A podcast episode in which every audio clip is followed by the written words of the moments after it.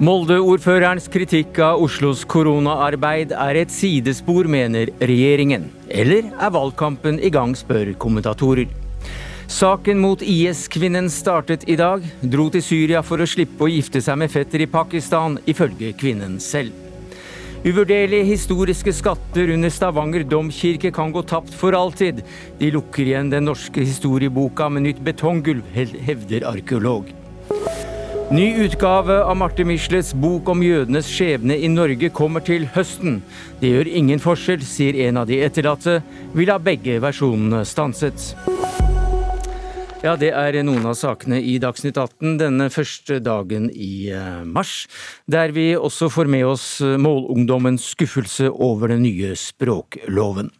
Men vi begynner med kritikken mot Oslos håndtering av pandemien, som Moldes Høyre-ordfører Torgeir Dahl mener har ført til smitte rundt om i landet.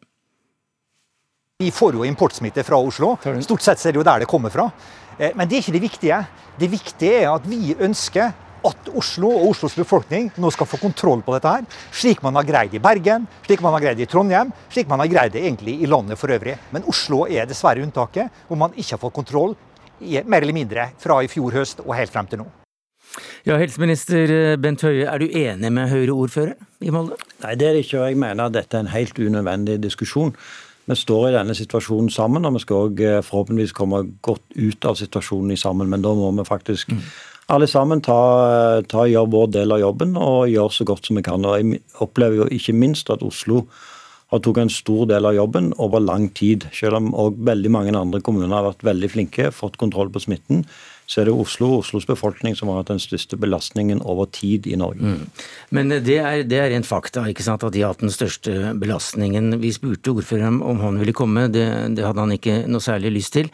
Men eh, vil du da si at uh, Oslo ikke har vært gode nok til å teste folk, som ordføreren sier? Nei, Jeg vil ikke si det. og det tenker jeg at Hver enkelt av oss, regjeringen, må evaluere vårt arbeid. Det har vi nedsatt en uh, egen gruppe som skal gjøre. Hver enkelt kommune må evaluere sitt arbeid. Alle vil ha punkter der vi kan lære å gjøre ting bedre. Men det tjener ikke vår situasjon nå og håndteringen nå uh, å få en diskusjon by, land, kommune mellom kommuner om hvem som har skyld og ikke skyld. Eh, fordi, som jeg sa, vi står i dette sammen og vi skal uttale sammen. Men, det bringer, oss, det men er det ikke en bred enighet om at unnskyld at jeg avbryter, er det ikke en bred enighet om at eh, Oslo ikke har kommunisert godt til eh, minoritetsgrupper? Vi har hatt en felles utfordring med det, men det er ikke bare i Oslo. Det er òg en del andre kommuner. Så er det sånn at i Oslo har en større andel minoritetsbefolkning. Det er noe som vi alle sammen har hatt utfordringer med. Men jeg vil òg si at det har blitt gjort veldig mye bra. Eh, med kontakten mot minoritetsgrupper. Eh, men det er ikke sånn at en, selv om en gjør en god jobb, alltid får det til 100% eller lykkes med alt. Sånt er det. Og det vil være punkt å lære i Oslo, sikkert i Molde òg, i min hjemby Stavanger, og ikke minst så kommer òg med i regjeringen sannsynligvis få flere punkter fra Kvinnsland-utvalget som sier det og det kunne dere gjort bedre. Mm. Så du er enig med Erna Solberg eh, i at dette er et unødvendig sidespor, slik hun da skriver på Facebook? Jeg er enig i det. Og så er det selvfølgelig sånn at Opposisjonen i Oslo skal være kritisk til byrådet i Oslo, på samme måte som opposisjonen i Stortinget hele veien skal være kritisk til den jobben jeg gjør. Det er vår rolle. Eh, og det er opposisjonens rolle. Sånn skal det være òg Men er det ikke lov for en, Oslo, en Molde-ordfører å være kritisk nei, mot Oslos behandling? Jeg syns ikke vi skal liksom ha en sånn by-land-diskusjon og den type eh, For det er ikke det som bringer oss videre. Men at jeg skal tåle kritikk fra Arbeiderpartiet i Stortinget, at Raymond må tåle kritikk fra Høyre i, byråd, i bystyret, sånt er det jo for demokratiet skal fungere selv om vi har en pandemi. Tuva Moflag, du er medlem av Stortingets helse- og omsorgskomité for Arbeiderpartiet, og du kommer fra Nordre Follo, der du også har vært eh, ordfører i Ski. Eh, hva synes du om eh, helseministerens svar på Molde-ordførerens utspill her? Jeg syns jo det var helt nødvendig at både statsminister Erna Solberg nå tidligere i dag kalte det et sidespor, og at helseminister Bent Høie nå tar avstand fra det. For det Oslos befolkning først og fremst trenger, er, er, en stor takk for den innsatsen de har gjort gjennom det siste året, og en klapp på skuldra for at de har stått i veldig strenge tiltak. Men, får de den? Ja, den uh, har jeg faktisk skrevet en egen artikkel og, mm. i høst der jeg takket Oslo for den innsatsen som ble gjort da. Jeg har òg på flere av mine pressekonferanser ikke bare takket Oslos befolkning, men òg berømt byrådet i Oslo for den jobben som de gjør. Jeg er veldig enig i de tiltakene som byrådet kom med i går. De var helt nødvendige. Og jeg opplever at vi har et veldig godt eh, samarbeid. Vi har hatt et tidspunkt der Raymond og meg var uenige. Det vet alle om, eh, og da skal jeg beskjed. Men det mener jeg òg er helt fair. Men vi har ikke den mm. type diskusjoner å gå an over tid. Det som vi reagerer på, er jo at som sagt, når vi har en hardt prøva befolkning som trenger en takk og en klapp på skulderen, så fikk de tvert imot en ganske skarp pekefinger fra en Høyre-ordfører fra et helt eh, annet sted i landet. Og det vi ser, er jo at det utspillet fra Høyre-ordføreren i Molde føyer seg inn i en rekke av flere typer utspill fra Høyre-politikere, enten det er Heidi Nordby Lunde i Oslo som sier at byrådet ikke har gjort jobben sin, førstekandidaten i Nordland Høyre som sier at Oslo ber om en slags omvendt premiering når de ber om flere vaksiner. Så vi opplever det jo litt som at man her gjør korona nettopp til valgkamp ved å komme med denne type angrep på Oslos håndtering av koronapandemien, samtidig som man i andre sammenhenger har sagt at man ikke skal gjøre koronahåndteringa til politisk spill, eller la det gå politikk i det. Ja, det det ordførerne gjør her? Gjør det heller til politikk og en valgkamp?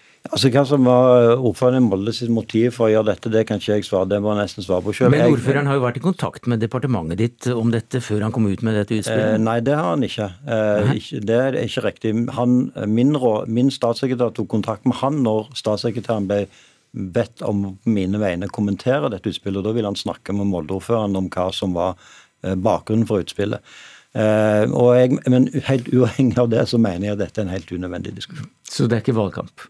Nei, altså det, Hvordan han har tenkt rundt dette, det vet ikke jeg. Men jeg mener at det, det, Og det hører egentlig ikke altså jeg mener at det er jo sånn at Denne situasjonen står vi sammen. Jeg tror befolkningen i Norge forventer at vi som er politiske ledere tar ansvar i den situasjonen, jobber sammen og løser dette mellom oss, helt uavhengig av hvilke parti vi representerer. For Moflag, Det må jo være slik at det må gå an å kritisere hovedstadens håndtering av pandemien, så lenge det her episenteret har vært gang på gang?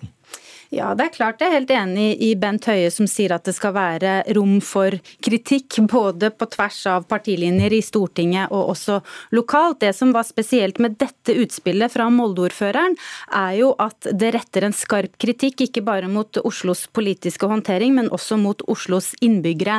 Men det som er interessant, er jo at når vi ser dette utspillet fra Molde-ordføreren i sammenheng med utspill fra Høyre-politikere flere steder i landet, så kan det virke som at det er en koordinert kampanje mot Arbeiderpartiets eh, håndtering av eh, koronakrisen i Oslo. Det jeg også syns var interessant da jeg hørte på Politisk kvarter i dag tidlig, var jo at Molde-ordføreren faktisk gjenbrukte et av talepunktene til Bent Høie om vaksinasjon.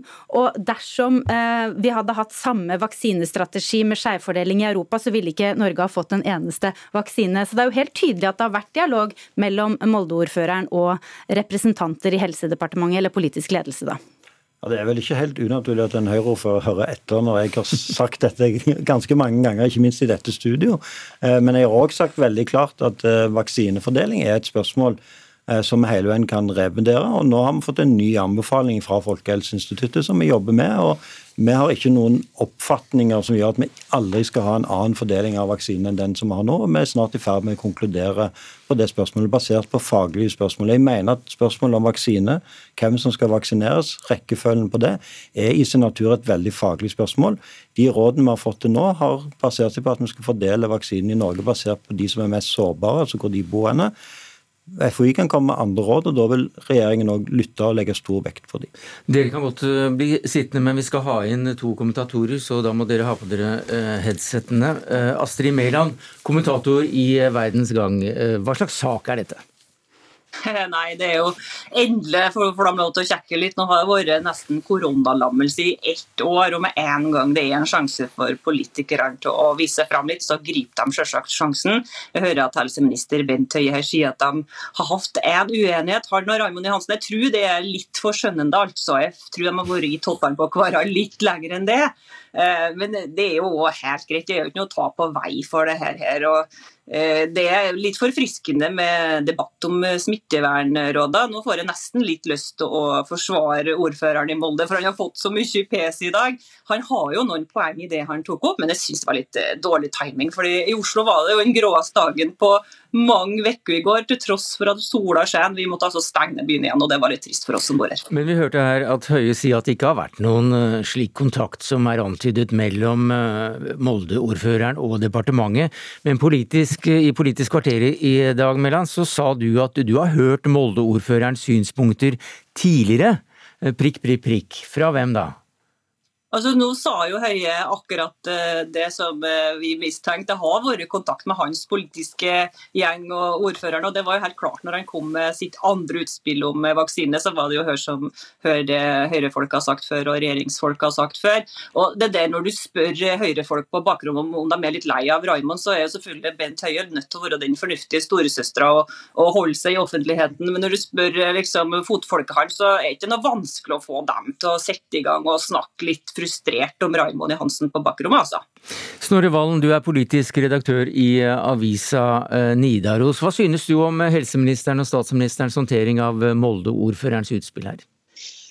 Seint, men godt går det kanskje an å si. Det ble jo maktpåliggende etter hvert for både Bent Høie og Erna Solberg å uttale seg. og Det er jo fordi den saken her har vært mer eller mindre ren selvskading for Høyre.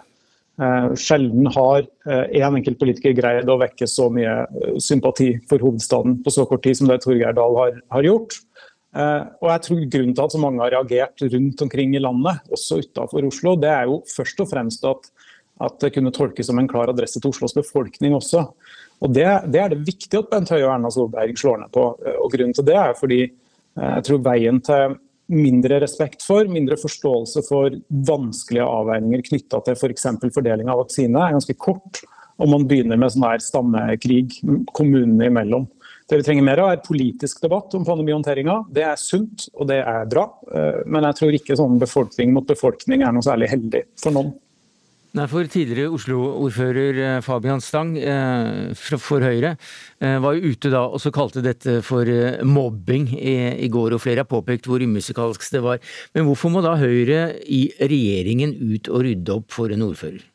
Nei, altså Det illustrerer ordskiftet her nå nettopp. Altså Fra første stund så var det jo mange som spurte seg sjøl om altså hvor bevisst utspill det her var fra Høyre. Jeg tror ikke det her er noe sånn koordinert utspill fra Høyre sin del, men jeg tror det er uttrykk for at det i norsk politisk debatt lenge har vært en sånn ganske billig og enkel retorisk snarvei for alle oss som bor et annet sted, eh, å snakke om Oslo-gryta, Oslo-eliten.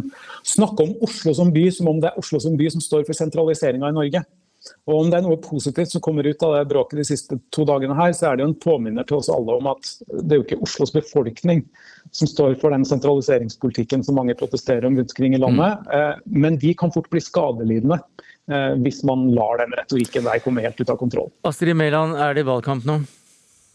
Ja, det er absolutt valgkamp. og Det er jo ikke noen som har fått sagt et ord på et år. Det er ikke noen som har vært hørt i det hele tatt. og Jeg må jo skryte av Raymond Johansen. Han har vært den eneste levende opposisjonen på et år. Så han skal ha Vi trenger litt politisering, som Snorre er inne på. Vi trenger i hvert fall å diskutere det her med skjevfordeling av vaksiner. For det er jo ordføreren i Molde sin jobb å passe på at hans innbyggere får nok vaksiner. Akkurat som Raymond Johansen må passe på sine innbyggere. Så en del av valgkampen må dette også da ses uh, i lys av?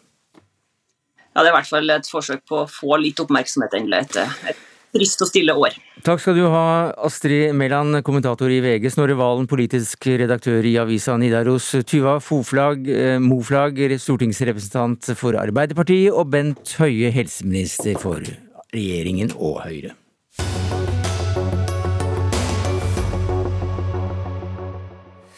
Så til det som skjedde i sal 250 i Oslo tinghus i dag. Krimkommentator i NRK Olav Rønneberg, hva er det viktigste som har skjedd på dag én i saken mot den såkalte IS-kvinnen?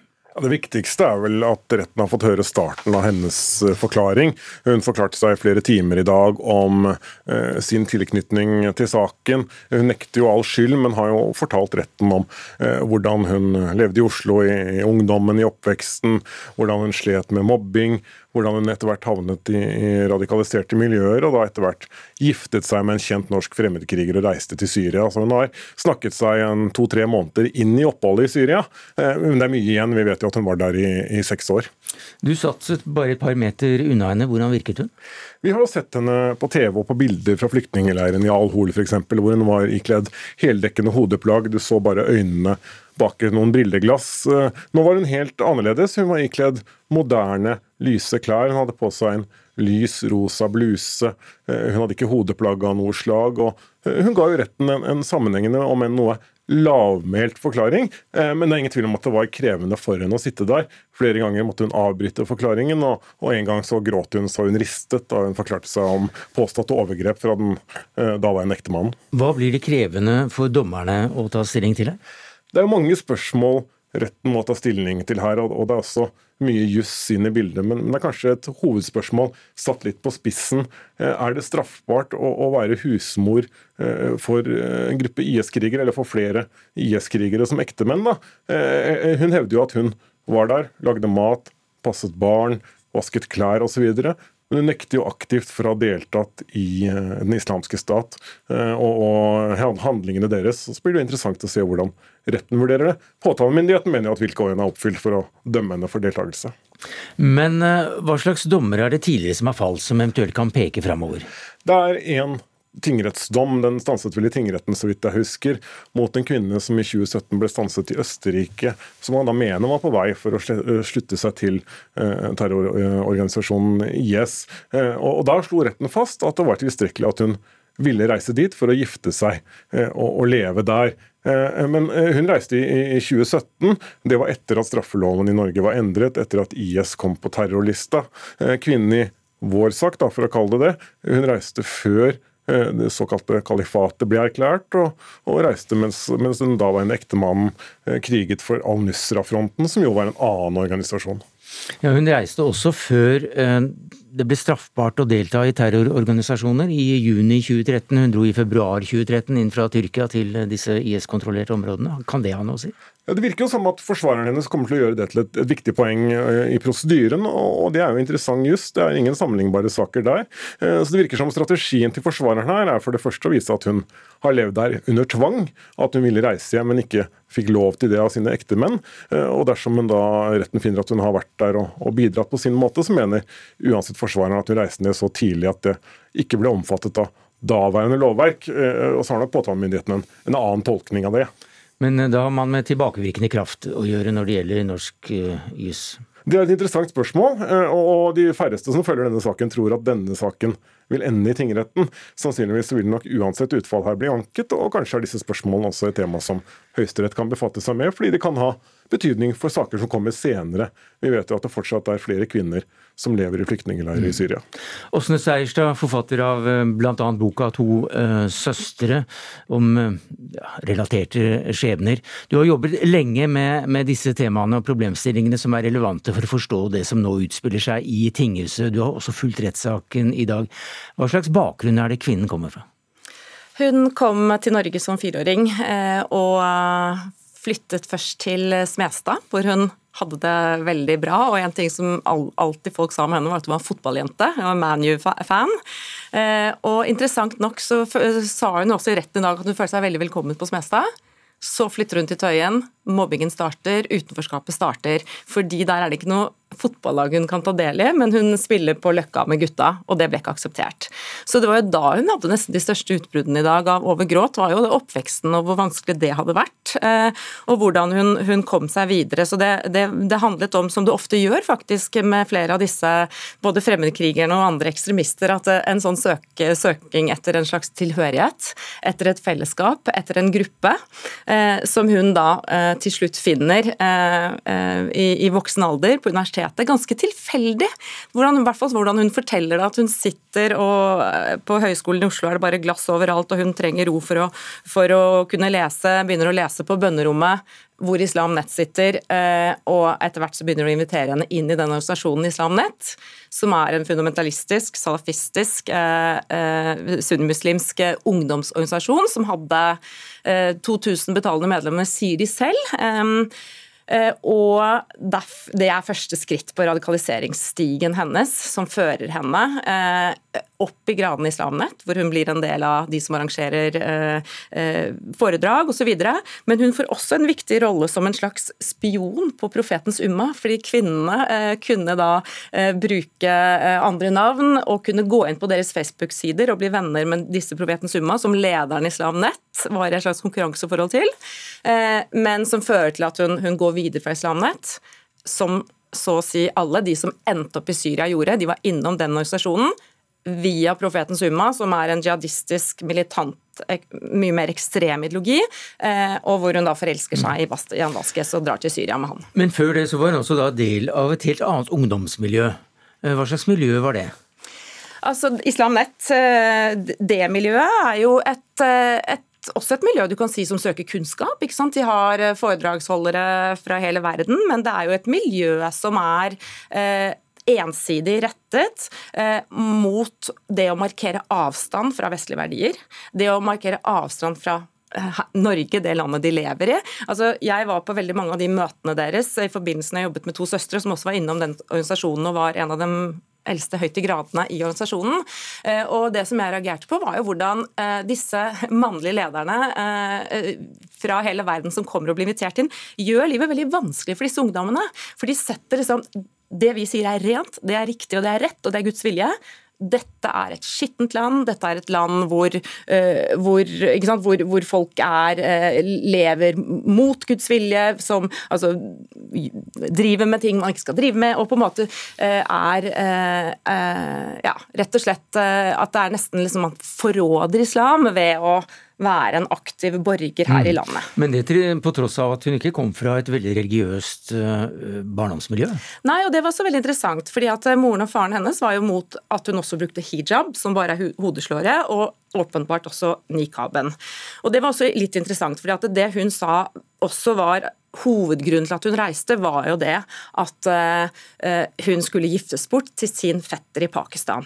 Ikke av religiøse grunner, men av tradisjonelle grunner. Eh, og Hun ba om å få slippe, og det var også derfor hun fortsatte og fortsatte utdanningen sin. for Det var på en måte det eneste foreldrene aksepterte at hun, hun kunne gjøre. Eh, ellers så måtte hun giftet seg mye tidligere. Eh, men, og slik er det altså, hvis du ser på mange av de som reiste til Syria av både menn og kvinner, var at det var et sett av faktorer som gjør at du drar, men det er ofte én ting som, som pusher deg ut.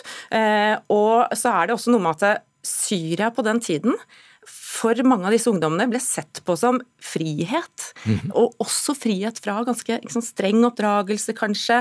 Eh, at de ikke hadde den, den eh, kanskje den friheten vanlig norsk, eller etnisk norsk ungdom har. Så det, dette ble litt sånn hjemme alene-fest også. og at liksom, Hvis du ser på hvordan de planla disse reisene, eh, som de chattet ganske åpent om, og det er, det er sånn hvordan de skal nesten på ja, campingtur, og hva de skal ha med i bagen sin, og eh, ja, eh, hvilke klær og hva slags undertøy. og liksom hvor altså Det er en sånn eh, Det ble sett på som eh, både at det var spennende, men like viktig at det også var rett eh, i for, altså islams bilde. Da. Ja, for det ligger jo også en, en kjærlighetshistorie her. Hun hevder jo at hovedmotivet for at hun reiste til Syria var den eh, kjente fremmedkrigeren Bastian Vasquez, som han heter, nå avdød, så han kan jo ikke ta til motmæle på noen måte. Men hun mener at hovedårsaken til at hun reiste, var kjærligheten til han. Men samtidig innrømmer hun jo en radikal tankegang. Hun sier jo at han fortalte, han om, eh, fortalte henne om at han hadde deltatt i å skjære hodet av en general og plassere ut veibomber. Eh, så Påtalemyndigheten mener at hun visste hva han drev med, og på den måten gikk inn i det med viten og vilje da hun reiste til Syria. Men er det straffbart å vite? Det er det store spørsmålet i denne saken. Sannsynligvis må nok påtalemyndigheten bevise at hun har foretatt seg noe aktivt, men det er der da dette med husstell, vask, pass av barn, eh, for den saks skyld mener aktoratet også at det å føde barn eh, bidro til neste generasjon av IS-krigere. Aktor gjorde det til et poeng i sitt innledningsforedrag i dag. Det blir interessant å se hvordan retten vurderer det. Eh, I hvilken grad er disse kvinnene, det er flere av dem, og, og, flere kan vel komme til eh, Norge muligens eh, etter hvert, i hvilken grad er de avradikalisert, kan vi tro? Jeg vil jo si at denne kvinnen virker ganske avradikalisert. At måten hun kler seg på, måten hun snakker på, markerer det. Og at hun kom tilbake ikke minst for barna sine hun kan fremstå ganske naiv eh, på en del ting, også når hun ofte svarer på ting som gjør saken vanskeligere for henne selv. Blant annet når, når det var snakk om de avkutte hodene, så sa hun at jeg kunne gjerne tatt kniven sjæl. Ja. Altså at hun måte nesten gjør det litt sånn verre for seg selv. og det er klart at eh, logistikk. ikke sant? Man kan kalle det å vaske og lage mat og føde barn, men den her har også eh, logistikk, og de har kokker, og de har Så det er jo noe med at hun er og En annen viktig faktor er at kvinnene var ofte mer kunnskapsrike enn mennene på hva de ville møte. Så det er veldig viktig at man ikke Og stakkars kvinnene, de ble alltid lurt inn i det det som skjedde med henne, var at hun giftet seg med en, en, en mann som eh, tok totalkontroll, som, som, gjorde at hun faktisk, når hun prøvde å rømme, ikke fikk det til. Men, men disse kvinnene gikk inn med det, eh, og de visste eh, hva IS sto for, eh, og de støttet det. Men de fikk også barn, og denne kvinnen det nå er snakk om, giftet seg altså tre ganger med IS-krigere. Fikk eh, tre barn. Hva tror du blir det viktigste for henne nå framover? Det viktigste som hun understreker selv, er vel det å Man får inntrykk av at hun ønsker seg et eh, normalt liv, ehm, og at hun ønsker at barna skal ha det bra, og at hun åpenbart ønsker å beholde barna. Og jeg vet at eh, en del av de andre fremmedkrigerne som ikke har kommet hjem, eh, de følger denne saken nøye. Nettopp av den grunn får vi beholde barna våre hvis vi kommer til Norge, for det er faktisk det eneste de har igjen nå. Dette var altså innledningsforedraget. Utspørring av tiltalte kom til et par-tre måneder etter at hun kom til Syria. Resten gjenstår. Eh, hvordan blir sakens gang videre? Nå skal hun fortsette sin forklaring, eh, og foreløpig har vi jo bare hennes ord for hvordan dette har foregått og hva hun tenkte gjøre det. Eh, så skal jo påtalemyndigheten avhøre en del vitner. De skal spille av lydopptak, telefonavlytting mellom henne og denne første fremmedkrigerektemannen. Og det skal vises fram en god del tekstmeldinger. Kanskje blir bildet noe mer nyansert når man ser summen av alt dette. Men foreløpig er det jo hennes forklaring som står i fokus. Når kan vi vente en dom? Rettssaken skal i alle fall vare i tre, kanskje fire uker. Eh, og kanskje en dom en måneds tid etter det. Det er mye retten skal ta stilling til. er så noe tid vil nok retten bruke på å diskutere alt dette. Takk skal du ha, Olav Rønneberg, krimkommentator i NRK. Og til deg, Åsne Seierstad, eh, forfatter av bl.a. boka To søstre.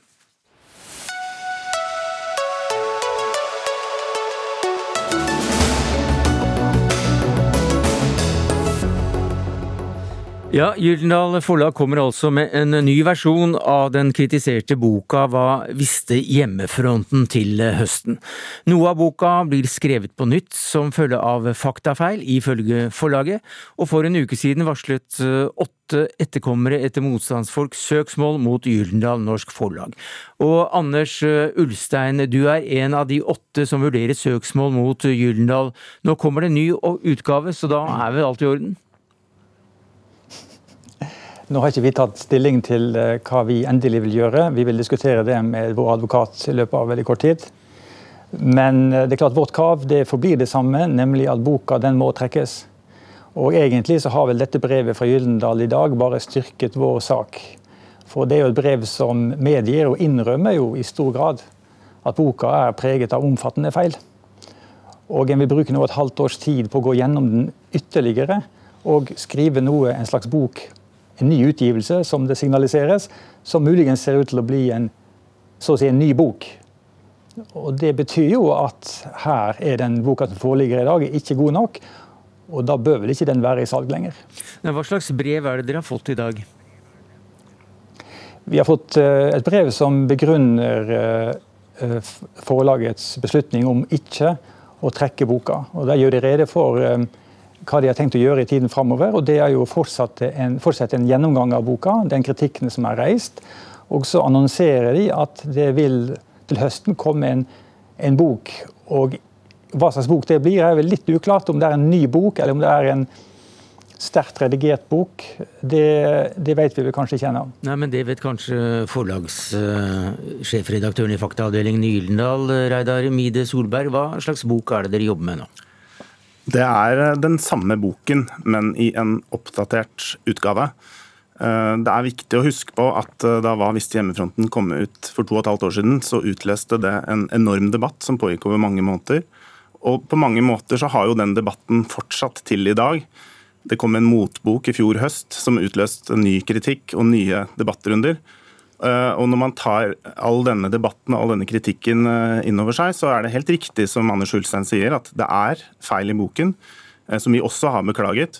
Men det er også sånn at vi mener at hovedfunnene i boka de står støtt. Og det som er tanken med en ny utgave, det er å egentlig favne det som til høsten da vil være tre års debatt, hvor det også rettes opp feil, det er viktig. Men hvor vi også har muligheten til å ta inn nye funn og nye tolkninger som er kommet til i løpet av denne debatten. Hvorfor er det så viktig å, å komme med en ny versjon, og så holde dette levende, da, så å si, istedenfor å um, bare glemme hele greia?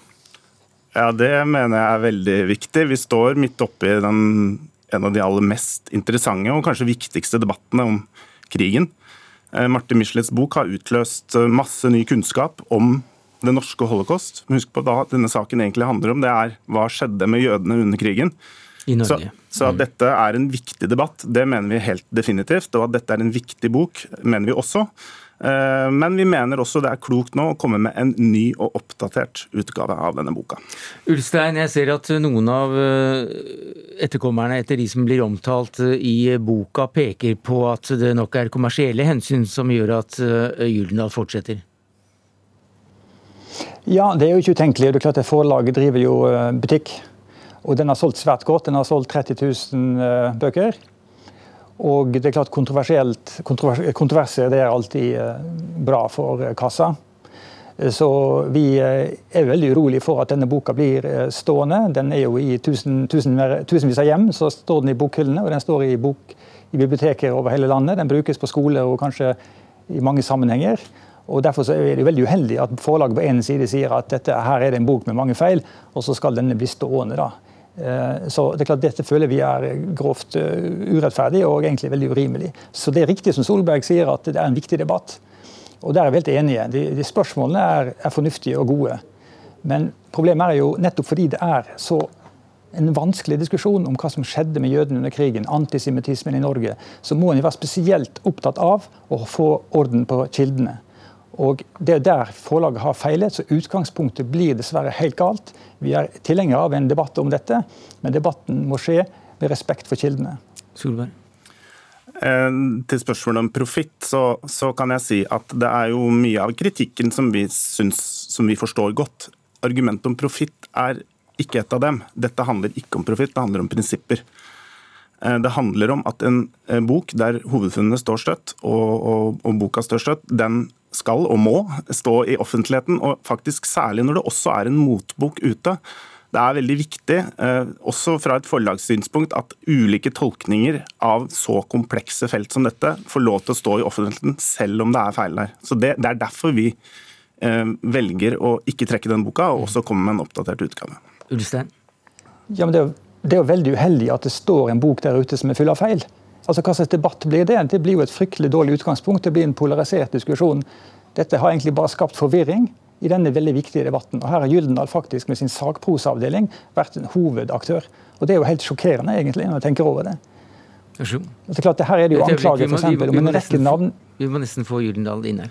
Ja, det, jeg vil nok ikke si det er riktig at den er full av feil og, og den type ordbruk. Eh, som sagt, det er noen feil der. De skal vi rette opp. og Vi har også gjort vårt ytterste for å være åpne om de feilene og beklage de, og vi kommer til å fortsette å være åpne om den typen feil. Det har vi jo redegjort for i brevet til advokatfirmaet i dag. Hvordan vi ser for oss å være åpne om det vi finner ut fortløpende, og eh, i den nye utgaven. Men du hører argumentet her, altså når det er såpass mye feil, slik at dere ser dere nødt til å skrive en ny versjon og sende ut brev, og, og Martin Michelet ringte vel rundt og ba om unnskyldning. Hvorfor er det ikke like greit å, å trekke boka? Det er fordi eh, selv om det er feil der, så er hoveddelen av boka har så viktig eh, innhold. Det handler om det norske holocaust og den debatten vi står midt oppi, så vi mener at det riktige er å la den boka stå i offentligheten. Ulstein? Ja, Hovedpåstanden det er jo at hjemmefronten sviktet jødene, og at de delvis og langt på vei jo hjalp de jødene som de hjalp, for å tjene penger på dem og at de siden har holdt tett om dette og forsøkt å dekke over den historien. Og Dette er så grove påstander, og det finnes altså ikke dekning i kildene for disse påstandene her. Og Dette er nøye gjort rede for i denne motboka som kom ut i fjor. og Det er også en rekke andre fagfolk som har vært ute og deltatt i denne debatten. her. Det er veldig ille å dekke seg bak at en skal ha en diskusjon, og så foregår den på sånne premisser. Det er klart at Dette gjør oss ganske opprørt. Og jeg mener at Det er til stor skade for diskusjonen om krigen at den foregår på denne måten her. Jeg syns ikke det er en helt uh, presis gjengivelse av hva som er temaet i den boka. Uh, jeg mener at den først og fremst uh, prøver å se andre verdenskrig fra jødenes synspunkt. Prøver å utforske hvem varslet om hva. Hva gjorde man for å hjelpe? Hvor utbredt var antisemittismen, og hvordan kan det ha påvirket handlinger? Så jeg syns ikke Ulstein gir en helt fair gjengivelse av den boka, men det får så være. Det er bare å lese baks, du leser baksida av boka, så står det jo veldig tydelig pres presentert akkurat det jeg sa nå. Hjemmefronten sviktet osv. Det er jo påfallende at de som er de fremste ekspertene på jødenes situasjon under krigen, er nettopp de største kritikerne av Michelets bok. Hva kan det komme av, må en tro? Som sagt, eh, det er helt ulike tolkninger av dette eh, sakskomplekset her. Eh, det er også veldig mange eksperter som syns at det er kommet fram viktige og uh, nye funn, så her er det veldig mange delte meninger. Nå har også da uh, Marte Michelet blitt invitert uh, hit i dag, kom ikke, men hun har også da bedt om unnskyldning som sagt, for faktafeil i boka, og ringt rundt. Og For to uker siden sa hun til Bergens Tidende jeg trodde den nødvendige distansen var der nå, at man kunne pirke bort i heltefortellingene. Jeg har vært naiv, sa hun. Hva sier du til det, Ulstein? Jo, jeg syns det er egentlig litt frekt. For det hun egentlig sier i boka si, det er jo at navngitte motstandsmenn, ledende motstandsmenn under krigen, sånn som Gunnar Sønsteby f.eks., de sviktet jødene. Og de visste at de gjorde det. Gunnar Sønsteby stengte rutene sine for jødene. Det påsto. Dette er ikke å pirke bort de motstandsmenn. Dette er jo å sparke dem i magen. Er dette ting som blir pirk, gjort om igjen Unnskyld at jeg avbryter deg. Eh, er dette ting som eh, blir gjort om i den nye versjonen? Eh, det kan ikke begynne å forskuttere. Vi er midt inne i en eh, ganske stor og grundig gjennomgang av hele denne boken. Men, men det jeg vel kan si, er at uh, vi har allerede beklaget noen ting, det er riktig. Men mye av det som er blitt fremført som rene feil, er vel så mye tolkninger og tolkningsuenigheter. Men, men det får vi komme tilbake til. Takk skal du ha, Anders Ulstein, etterkommer av en av de omtalte krigsheltene i, i boka. Og til deg, Reidar Mide Solberg, sjefredaktør for faktaavdelingen i Gyldendal.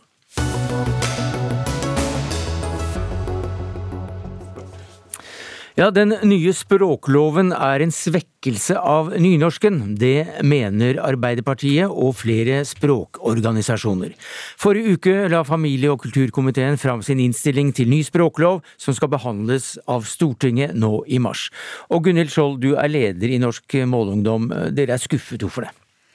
Vi er skuffa fordi at trass i at lova har et veldig godt formål, så leverer den ikke de tiltakene som trengs for å faktisk styrke nynorsken. Eh, vi mener at når man ikke har sanksjoner, så er det få insentiver til å følge lova. Eh, og I tillegg så er det flere viktige retter som blir svekka, f.eks. klageretten for organisasjoner som oss sjøl i Norsk Målungdom. At det ikke er klare regler for fylkeskommunen, og at eh, de tar vekk denne tjenesteplikten, altså kravet om at statstilsatte skal kunne skrive både nynorsk og bokmål. La oss ta en ting av gangen. Altså Sanksjoner, hva er det du mener med det? Eh, altså at det skal være konsekvenser for å bryte lova. Hvilke eh, konsekvenser er det i dag? I dag er det egentlig ingen konsekvenser for å bryte den mållova vi har i dag. Du får kanskje et litt irritert brev fra Språkrådet, men det er det. Men dere ville gjerne ha inn at det skulle være sanksjonsmuligheter. Hva slags? Eh, det viktigste for oss er ikke nøyaktig hvordan sanksjoner er, men at det er noen eh, konsekvenser for å bryte lova, men f.eks. da bøter hvis du ikke bryter lova og ikke retter opp i lovbruddet. Men så har du også eh, fylkeskommunen som ble nevnt. Hva har det med saken å gjøre? Eh, I språkloven nå så blir det innført at det også er noen språkregler for fylkeskommunen. Altså at de også f.eks. får krav om å eh, svare på nynorsk, og det er jo veldig bra, det er vi glad for. Samtidig så er det et litt sånn utydelig regelverk. Det står bare at de språknøytrale fylkeskommunene skal veksle etter et rimelig samhøve, og vi lurer på hva er egentlig et sånt rimelig samhøve? Når det gjelder regionale statsorgan, så er det tallfesta hva som er et rimelig samhøve. Så staten må også kunne svare på nynorsk? Ja, det stemmer. Både svare på nynorsk hvis jeg som nynorskbruker sender dem et brev på nynorsk, men også i dette kommunikasjon, på nettside, i skjema, så skal det også være på både nynorsk og bokmål. Stortingsrepresentant for Arbeiderpartiet og medlem av familie- og kulturkomiteen Anette Trettebergstuen, du kaller denne loven en, en svekkelse av eh, nynorsken, er den det? Ja, det er det absolutt. Fordi at eh, den språkloven som regjeringa nå har lagt fram, den, eh, den, svekker eh, de kravene som man har i staten til å skrive og svare på og sende ut informasjon på, på nynorsk. Så den svekker dagens regler. Og, og, det som er det bekymringsfulle med det, er jo at de i ja, overkant av 600 000 menneskene i Norge som, som skriver nynorsk, og som har den målformen, de, de kan ende opp med å se mindre av sitt språk i tida framover. Fordi at regjeringa ikke gjør nok for å sørge for at man ja, eh, får se eh, ting på, på nynorsk. Mm. Så er det jo også sånn at Én ting er nynorsken, og vi mener at den må styrkes, for den er trua fra mange hold. Så er det det norske språket i seg selv, som er jo det er, det er, Vi har et lite språkområde. Eh, hvis du snakker med ungdom på hjørnet på butikken, så, så merker du at engelsken brer stadig om seg i, i dagligtalen, og eh, engelsk fagterminologi osv.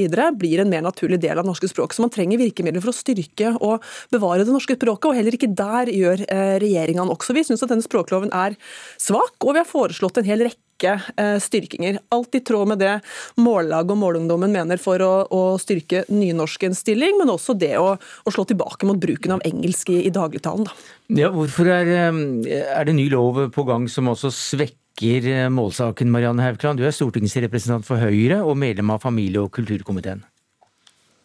Nei, absolutt ikke. Eh, vi har eh, laga en eh, helhetlig språklov som er ment til å kunne gi et bedre grunnlag for å ta vare på de norske språkene i Norge. Så jeg føler at Arbeiderpartiet og Mållaga tar veldig hardt i når de kommer med sin kritikk. Ja, samtidig, samtidig, har jeg jo litt forståelse for at Mållaga ønsker at alle de alternativene som ble lagt frem på høringa, bl.a. det med større plikter til fylkeskommunene, at det skulle gå igjennom. Men på høringa så fikk vi tilbakemeldinger fra bl.a. KS at de ikke ønska at en eh, sånn type eh, kvantifisering på lik linje med statsorganene også skulle gjelde for mm. Eh, fylkeskommunene. Og KS er altså Kommunenes sentralforbund i gamle dager, som nå bare kalles ja. KS. Ja. Så, så, vi valgte å lytte til dem når de er ute og, og på en måte taler for, for sine medlemmer. Eh, Et øyeblikk, vi må, vi, vi må, nesten få en Arbeiderparti her. Ja, um, At KS mener det er nå én ting, men jeg er mer opptatt av at vi, at vi tar hensyn til og lytter til de som, som er bruker av nynorsk. Nå har jo regjeringa sitt prosjekt vært å slå sammen fylkeskommuner til store regioner. Konsekvensen av å ikke ikke la de nye regionene og fylkeskommunene få ansvar for å, eh, for å få ut informasjon og materiell eh, på, på, nynorsk der de har kommuner der det er nynorskbrukere, det er jo nettopp det at eh, folk som tidligere, kanskje i fylkeskommunen sin, fikk, fikk se ting på, på, nynorsk, fikk materiell og svar på nynorsk, nå ikke lenger får det. Så når man slår sammen regionene, så må man også kunne forvente at de nye regionene kan, kan svare på å skrive nynorsk i den grad det faktisk faktisk bor innbyggere der som bruker den målformen. Det skulle bare mangle. Haukland. Ja, og Det vil jo selvfølgelig komme som en naturlig del når eh, det er en ny kommune. Det var en av grunnene til at man ikke hadde tenkt å, å på en måte lovfeste det her med, med flertallsmålformen til eh, fylkeskommunene. fordi at det ville komme som en naturlig del. Men det man har tatt inn i loven, det er jo at de nøytrale fylkeskommunene, altså dem som ikke er, har et flertallsspråk, men der det er både begge målformene er godt representert.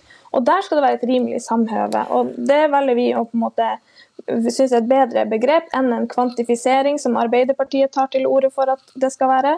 Fordi at man også tar hensyn til fylkeskommunen sin selvråderett, noe som vi mener også var viktig.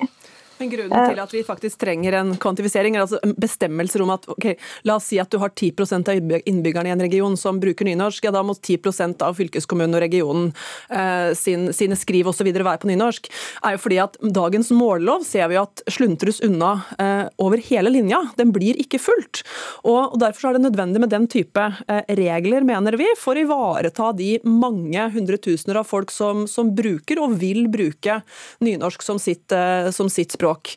Ehm, så er det det med sanksjoner. ikke sant? At Så lenge eh, regjeringa bare oppfordrer, lar det være opp til staten, lar det være opp til fylkeskommunene hvordan de løser det her, og har en lov med gode intensjoner, men som ikke har sanksjoner, så blir det litt som å si til, si til, eh, til ungene at vet du hva, du må passe på å gjøre leksene dine, men vi kommer ikke til å sjekke. Ja, da er det ikke sikkert at det blir mye lekser gjort, altså. Ja, men det er noe som heter å bygge tillit også, ikke bare bygge pisk. Ja, nå har vi hatt eh, mange mange tiår med, med mållov. Jo, men hva slags, hva slags sanksjoner sanksjoner er det du kan tenke deg? Ja, det, vi, det, vi, det, vi, ba om, rett og slett. Vi vil jo få til fornuftige løsninger, men for oss har det vært viktig at en språklov faktisk skal være med på å styrke eh, det norske språket eh, og begge målformer. Ja, men Hva slags sanksjoner ja, er det dere ba, kunne tenke dere? I vårt forslag så, så, ba vi rett og slett regjeringa om en egen utredning på det, for å få det hensiktsmessig. Um, så det har ikke vi noe konkret, uh, vi har ikke noe konkret forslag på, på bøter, bøtenivå osv., men, men vi mener jo at det burde være sanksjonsmuligheter, som i alle andre lover. Haukland? Ja, det, Vi har også skrevet inn i våre merknader at dersom det, at vi skal gå tilbake og vurdere sanksjoner på et senere tidspunkt, men vi ønsker ikke å gjøre det nå. Og så vil jeg bare si en ting til Anette, for hun hevder at dette er en språklov som vi ikke har hensyn til å følge opp. Og det stemmer ikke. Vi gir eh, Språkrådet hjemmel til å kunne både føre tilsyn og, og, og rådgivning, og de får et mye tydeligere mandat i denne eh, målloven her enn de hadde i i den forrige målloven. Trettebergstuen, et øyeblikk, vi må ta en ting av gangen. Unnskyld, unnskyld at jeg avbryter deg, du sitter i et annet sted, Marianne Haukland. Vi tar én ting av gangen. Det er dessverre slik at Språkrådet sine høringsinnspill på hvilke makt og myndighet de selv ville ha, er ikke tatt til følge. Språkrådet, der sitter den fremste språkkompetansen i landet. Eh, de burde bli lytta til i større grad. For så har Arbeiderpartiet et forslag eh, om at Språkrådet skal lyttes til når eh, staten skal endre navn på, på, på statlige virksomheter virksomheter. Vi har en rekke tåpelige eksempler på navnebytter i det siste. Vi har Vy, Vy, Equinor, eh, Mesta, eh, Oslo Met, som de liker at det skal hete, men det man egentlig uttales Oslo med. Eh, der Språkrådet har sagt at dette er ikke gode navn på norske virksomheter. Men språkloven, Hvordan kunne språkloven kommet inn her? Nei, språkloven, Derfor mener vi at, at, det hører hjemme i språkloven at når den type navneendringer skal skje, så, så plikter departementene å, å, faktisk forhøre seg med Språkrådet. Det, det, må de faktisk ikke gjøre i dag. og Så med makt til Språkrådet, hva sier du til det, Haukeland? Nei, Høyre ønsker ikke at vi skal få et språkpoliti i Norge, men vi ønsker at vi skulle ha et språkråd som har kompetanse til å kunne følge opp og gi god veiledning til både fylkeskommunene og til eh, statlige etater, og kanskje også dele i det norske selskap. Men men vi ønsker ikke å gå like langt som Arbeiderpartiet. Problemet er bare at Språkrådet um, ikke blir lytta til. og de er ikke engang, altså Staten plikter ikke engang å, å forhøre seg med Språkrådet. og Det syns vi er uh, trist. fordi at jeg tror at Språkrådet har, har, rett i mange av sine påpekninger om at det norske, norske språket både i navnevalg og form og også bruk av engelsk, det, det sklir ut. Hva sier du til det at det sklir ut, Haukeland? På enkelte områder så må man på en måte ha tillit til de virksomhetene som er satt til å styre på vegne av staten, enten det er universiteter eller om det er deleide statlige selskaper. Så må man jo ha tillit til de styrene, at de klarer å, å ta strategiske valg på vegne av sine selskap. Og, og Da trenger ikke vi flere råd og utvalg som skal være med på å overstyre det. Men jeg er jo enig i at mange av de navnene der hørtes kanskje litt uh, fjerne ut, men jeg tror kanskje Det er en annen debatt. ja. Men uh, Gunhild Skjold, uh, som leder av Norsk Målungdom, så får du nesten få siste ord her, selv om det er to mot én, og Haukeland sitter ganske alene på digital overføring her. Men du hører den politiske debatten. Hva tror du vil skje videre her nå? Jeg tror at all erfaring vi ser fra den mållova som vi nå har hatt i 40 år, det er at selv om jeg kunne ønske at vi kunne ha tillit til at statlige organ gjør det det står at de skal i lova, eh, så tyder alt på at det kommer ikke til å skje. Jeg håper selvfølgelig Det er et godt plaster på såret at loven skal evalueres innen 2030, men eh, vi har allerede hatt en lignende lov med lignende krav i 40 år uten at de har blitt fulgt. Hvorfor skal vi da vente i ti år til på å innføre sanksjoner som gjør at loven faktisk da kan bli fulgt? Og ungdommen er utålmodig? Det er vi. Takk skal du ha, Gunhild Skjold, leder i Norsk Målungdom. Anette Trettebergstuen, stortingsrepresentant for Arbeiderpartiet, medlem av familie- og kulturkomiteen. Den samme komiteen sitter du i, Marianne Haukeland, stortingsrepresentant for Høyre. Takk skal dere ha.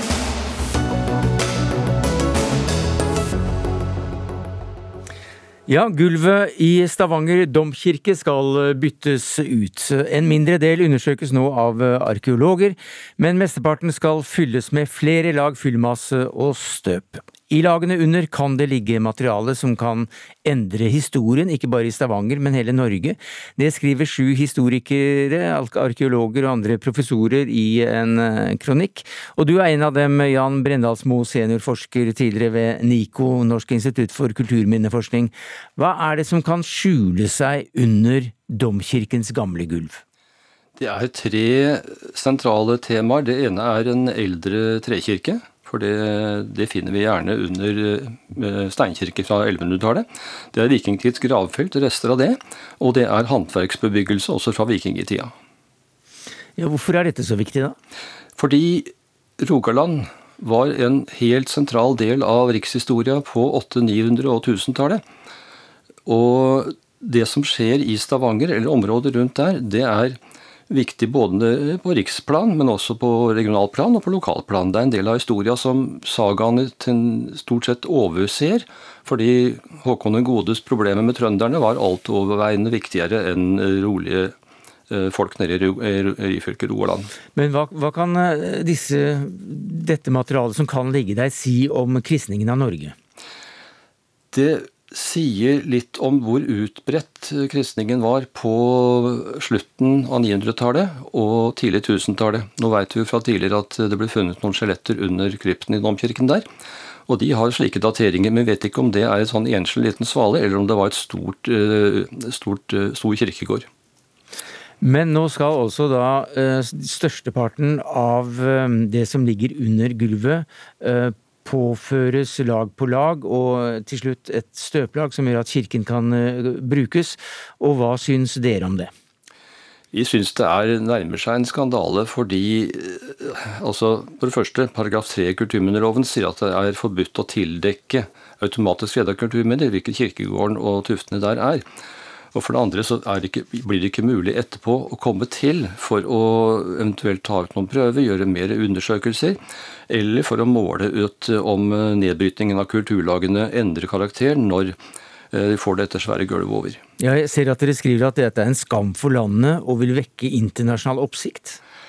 Ja, at man i et eh, relativt velstående land som Norge velger å, å hermetisere. Eh, rett nok er det en hermetikkby i Stavanger, men altså å hermetisere kulturdagene på den måten der, det er ikke noe som, eh, som folk setter pris på i forskningsmiljøet, verken historikere eller arkeologer rundt om i Skandinavia.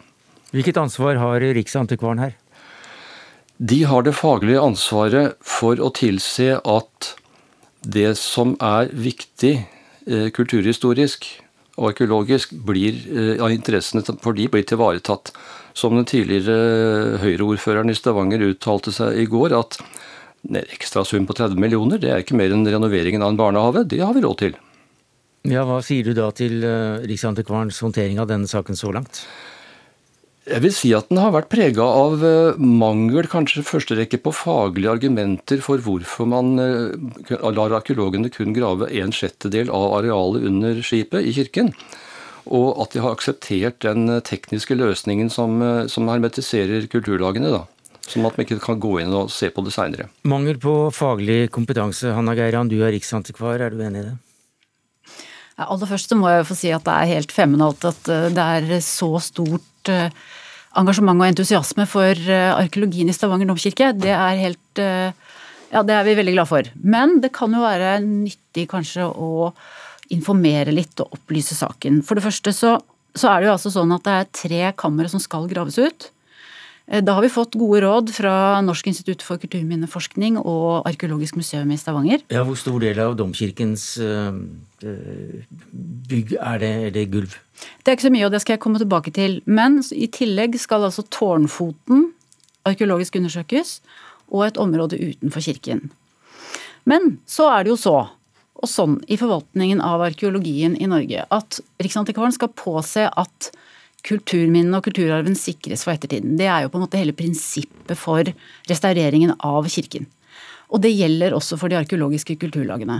Fordi at eh, med mindre arkeologiske kulturlag står i fare for å gå tapt eller ikke kan bevares, f.eks. pga. store jernbaneprosjekter eller veiprosjekter, og må graves, ut, eh, må graves ut, så skal de bevares på stedet. Og dette er ikke noe påhitt Riksantikvaren har funnet på. Dette er nedfelt i kulturminneloven, som vi må følge. Og det er også nedfelt i den såkalte Valletta-konvensjonen. Som Norge har ratifisert, og andre europeiske land har ratifisert. La, et, la, det ligge. La det ligge mm. for fremtiden, og det er det ganske gode poenger for. Uh, og poenget med. Fordi at vi i, si, i vår tid har kjempegode metoder og god teknologi kan hente ut masse kunnskap. Et eksempel på det er uh, vikingskipet Gjellestad. Som ligger utenfor Halden. Det må arkeologisk undersøkes. Det er i ferd med å gå tapt. Selv om det er bitte lite grann igjen, mm. så kan man få masse kunnskap. Men det, men det er også i Halden. Jeg vil gjerne komme tilbake til Stavanger så fort som mulig, og til deg, Jan Brindalsmo. La det ligge, sies det her. Er ikke det fornuftig? Jo, det er et godt prinsipp at du skal beskytte det så langt man kan, og være streng. Men i tilfellet her så vil jeg antyde at uh, viktigheten av å få undersøkt et større areal i domkirken i Stavanger, som er en av perlene, den best bevarte domkirken i hele landet, uh, og et arnested for, for kristninga av Norge, så syns jeg man kunne spandert på seg litt større areal enn det som er tillatt. Og jeg vil nå si at det, det er forskjell på å bevare og, og hermetisere. Altså Det som skjer nå med den gulvløsningen som de har valgt og Riksantikvaren har akseptert, så er det ikke tilgjengelighet til det stedet under gulvet lenger. Du, du, er, du er redd for at eh, bevare det betyr å ikke eh, få gravd opp noen gang? Ja, I verste fall så kan det være at hvis du skal begynne å fjerne et svært, eh, enormt støpt gulv med underliggende masser for å komme ned til, til det her kulturlagene og man ikke vet hva som skjer med dem. Altså Nå er det satt opp en, en overvåkingssonde som skal vare en fem-seks år, men hva så? Altså Hva måler man da? Man har ikke noe å måle opp imot om hvordan kulturlagene har oppført seg hittil fram til denne gravinga. Og hvis man ikke får mer enn fem-seks eh, års målingsmateriale, hva skal man gjøre når man skal mm. skifte ut den sonden? Skal man da fjerne gulvet? Og, og dermed sementerer man altså en viktig del av den norske historieboka? Definitivt. Ja, det, For det første så har det vært målinger fra 2018 på disse kulturlagene, og det kommer til å fortsette. Det er nå én ting. Men det høres ut som man skal liksom sprøyte sement ned her og, og, legge eh, hele greia i betong. Det er jo ikke riktig. Her bruker vi metoder som er brukt tidligere, og som også med råd av Brendalsmos eh, gode arkeologkollegaer Eh, og det handler om å legge ikke-marin leire i et lag som beintråkkes, bokstavelig talt, sånn at det skal ta vare på kulturlagene. Men det du sier nå, vi nærmer slutten, derfor bryter jeg inn. også. at dere gjør dette her med en ensom hånd, slik at det faktisk kan tas opp igjen? Ja, det har ligget som et premiss for ja. dette hele tiden. Det skal kunne fjernes, og det skal kunne undersøkes. Det hjelper vel Brindalsmo kort til slutt? Jeg er fortsatt skeptisk. Jeg ville valgt en helt annen konstruksjonsmåte for det gulvet enn å teppe det igjen med leirmasser og annet pluss et tjukt sementgulv for å kunne bruke bruke Kirken som all, allvirksomhetssak. Men det er også en økonomisk side her. Hvor viktig har den vært, Riksantikvar? Det er klart at uh, vi skal vurdere alle sider av en sak uh, når vi fatter vedtak. Fremdriften er selvfølgelig en viktig del, økonomien er også en del. Det kommer vi ikke unna. Og det er altså sånn at tiltakshaver i utgangspunktet skal betale, så dette er jo ikke uvesentlig. Og den skal være ferdig til 2025, for da er det 900-årsjubileum for eh, Stavanger by. Takk skal du ha, Jan Brendalsmo, tidligere seniorforsker ved NIKU, Norsk institutt for kulturminneforskning. Takk til deg, Hanna Geiran, riksantikvar. Det var det vi rakk i dag, takket være ansvarlig for det hele, Dag Dørum. Det tekniske ansvaret hadde Hilde Tosterud, jeg heter Sverre Tom Radøy.